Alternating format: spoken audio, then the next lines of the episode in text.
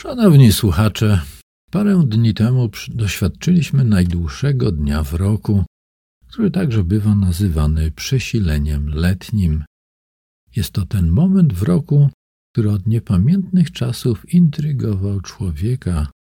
Wiele całkiem odmiennych od siebie kultur celebruje ten dzień, wyczuwając, że kryje się w nim jakaś tajemnica.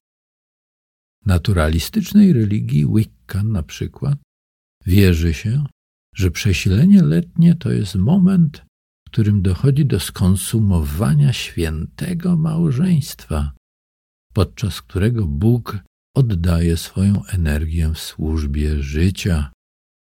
Jego ofiara, która prowadzi do jego unicestwienia pod koniec roku, staje się przykładem dawania z samego siebie w służbie bogini, która jest życiem samym. Ktoś mógłby argumentować, że każdy mężczyzna podąża za tym przykładem, kiedy oddaje swoje nasienie kobiecie. Może dlatego spekuluję, kobiety czują się ożywione po akcie seksualnym, w czasie, gdy mężczyzna na ogół jest osłabiony i tylko chce mu się spać. To odwieczne współgranie elementów męskiego i żeńskiego znajdujemy także w innych religiach. W taoizmie te siły są reprezentowane przez yin i yang, a w hinduizmie przez odwieczny kosmiczny taniec pomiędzy Shivą, męski element, i Shakti, żeński.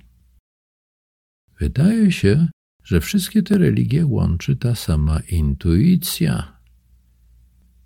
Cały wszechświat jest oparty na wzajemnym oddziaływaniu tych elementów, bez których życie nie byłoby możliwe. Co ciekawe, w hinduizmie Shiva jest często symbolizowany przez lingę, czyli fallusa, a Shakti przez yoni, czyli pochwę. Jak tu się nie dziwić, drodzy Państwo, że mężczyzn i kobiety ciągnie coś ku sobie, a szczególnie już w czasie letniego przesilenia. Skoro na tym wzajemnym przyciąganiu oparte jest funkcjonowanie całego wszechświata.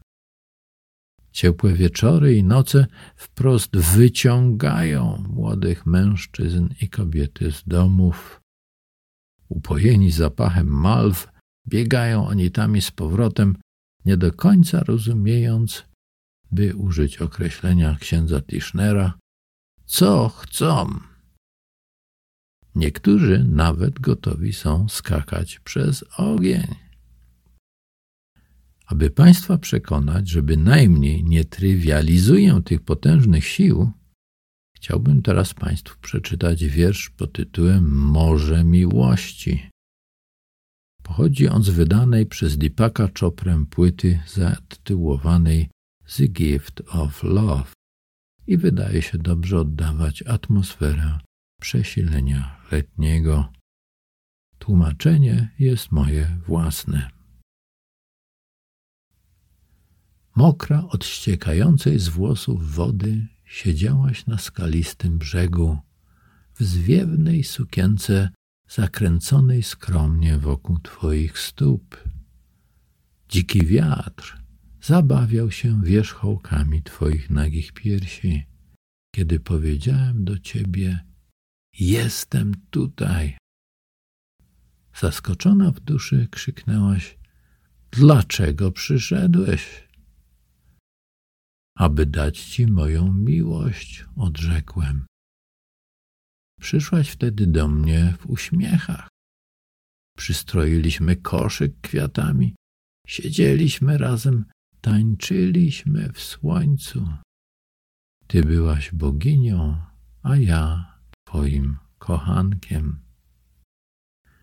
Kiedy nad górami pokazała się wieczorna gwiazda, siedziałaś sama Błękitny jedwab opasał twoją kibić. Wokół twoich kostek bransolety ze złota. Ja grałem swoją muzykę, kiedy zapytałaś, dlaczego przyszedłeś? Przyszedłem, aby ubrać cię w moją miłość.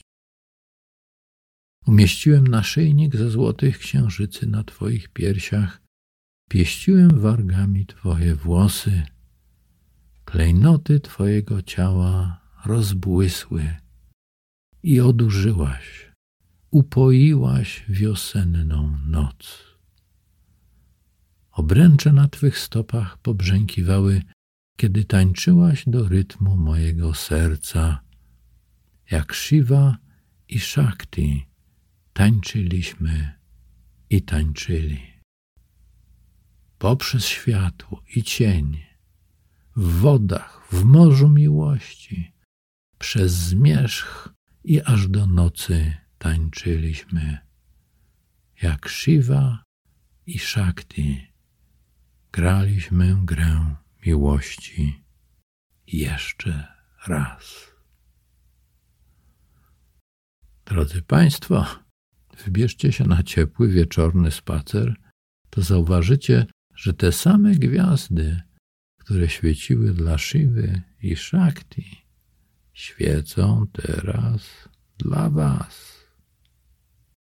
W prawdzie, prostocie i miłości Piotr Rajski.